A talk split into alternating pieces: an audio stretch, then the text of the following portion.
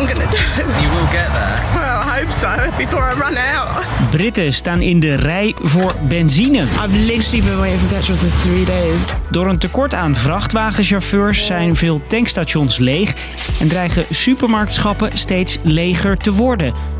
Over leger gesproken, volgens de burgemeester van Londen zoekt de Britse regering naar oplossingen in die hoek. The government's talking about bringing the army in. Wat is er aan de hand bij de Britten en hoe kunnen er ineens zo weinig vrachtwagenchauffeurs zijn dat het hele land er last van heeft? Ik ben Marco en dat vertel ik je. Lang verhaal kort. Een podcast van NOS op 3 en 3FM. Will you be able to fill up the tank? These were the scenes yesterday Mate, there's no fuel anywhere. People are going a bit nuts because 6 a.m. in the morning people are queuing up for petrol. Al dagenlang toeteren en voeteren Britten bij de pomp. Waar we aan het begin van de coronacrisis massaal wc-papier hamsterden, doen de Britten dat nu al dagen met benzine en diesel. Met jerrycans in de achterbak speuren ze naar die ene pomp die nog wel brandstof heeft. En dat leidt tot tekorten bij die tankstations. There is a large number, more than half, which already run dry. De Britse transportminister riep dit weekend zelfs op: doe normaal. that if people carry on as they normally would and fill up their cars when they normally would, uh, then you won't have queues and you won't have shortages at the pump. En niet alleen tankstations kampen met weinig voorraad. Ook McDonald's kon even geen milkshakes maken. KFC kon geen kip meer frituren. En supermarkten worden leger en leger. En dat ligt er niet aan dat die spullen niet op het Britse eiland zijn. We have got plenty of fuel. Het komt allemaal omdat de spullen niet op de plekken komen waar ze moeten zijn. Er is voorraad, er zijn vrachtwagens, maar te weinig chauffeurs. Volgens de Britse transportbranche is er een tekort van 100.000 truckers op dit moment. Hoe kan het dat het tekort aan chauffeurs zo groot is?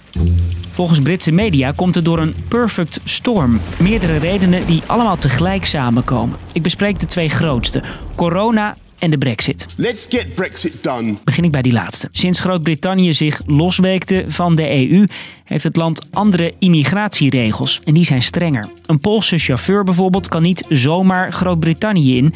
Je moet een werkvisum aanvragen. Door de Brexit vertrokken naar schatting 25.000 truckers. Je hoort een Duitse chauffeur. because of the Brexit, the lorry driver from other country became no visum. En die komen niet zomaar weer terug. Het werken is niet voor iedereen een droombaan. Urenlang achter het stuur zitten, af en toe even pauze langs de weg. Het is volgens chauffeurs zelf ook niet altijd een pretje aan de andere kant van het kanaal. You go in in, in a truck stop, it's also dirty and uh, not so good. En dan betaalt het ook nog eens niet al te best. Voor Oost-Europese chauffeurs vaak meer geld dan thuis. Maar die kunnen nu ook steeds vaker in eigen land voor een vergelijkbaar loon rijden. En ook in andere landen zijn tekorten. Dan corona. Door de pandemie konden veel truckers to be hun examens niet halen. En dat tikt ook flink aan, zegt de regering. The centres were closed over the coronavirus, and about 40,000 couldn't take their tests over that period of time. En die tienduizenden chauffeurs die vertrokken of nog niet mogen rijden, komen bovenop jarenlange tekorten. Al jaren zegt de transportsector dat er een oplossing moet komen voor een vergrijzend beroep dat maar niet aantrekkelijk wordt voor jonge, nieuwe truckers.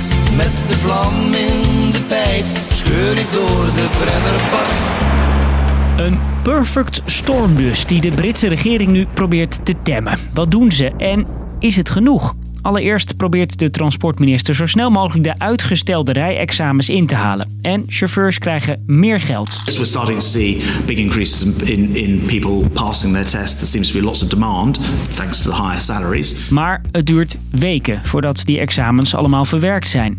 De Britse regering geeft ook 5000 nieuwe werkvisa uit. Maar dat zorgt niet voor een enorme stroom aan Europese chauffeurs, legde deze Nederlandse vakbondsman kraakhelder uit op de Britse radio. The EU workers we speak to will not go to the UK for a short-term visa to help uh, UK out of the shit they created themselves.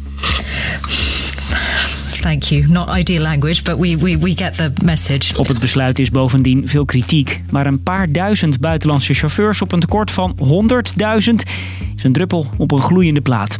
Een voordeel is dat het hamsteren van benzine en diesel inmiddels iets afneemt.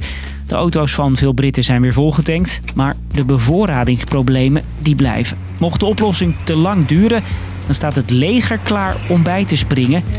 Maar het is nog niet nodig, zegt de regering. We have no plans at the moment to uh, to bring in uh, the army to actually do driving. As always on standby should they be needed, but we don't judge that's necessary at the moment. Dus, lang verhaal kort, door een groot tekort aan vrachtwagenchauffeurs staan Britten in de rij voor een volle tank. In alle Europese landen zijn er te weinig truckers, maar in Groot-Brittannië is dat tekort nog hoger opgelopen door de brexit en door corona. De Britse regering probeert de boel nu op te lossen door rijexamens te versnellen en te proberen meer buitenlandse truckers aan te trekken. Zo, heb jij weer even wat info bijgetankt?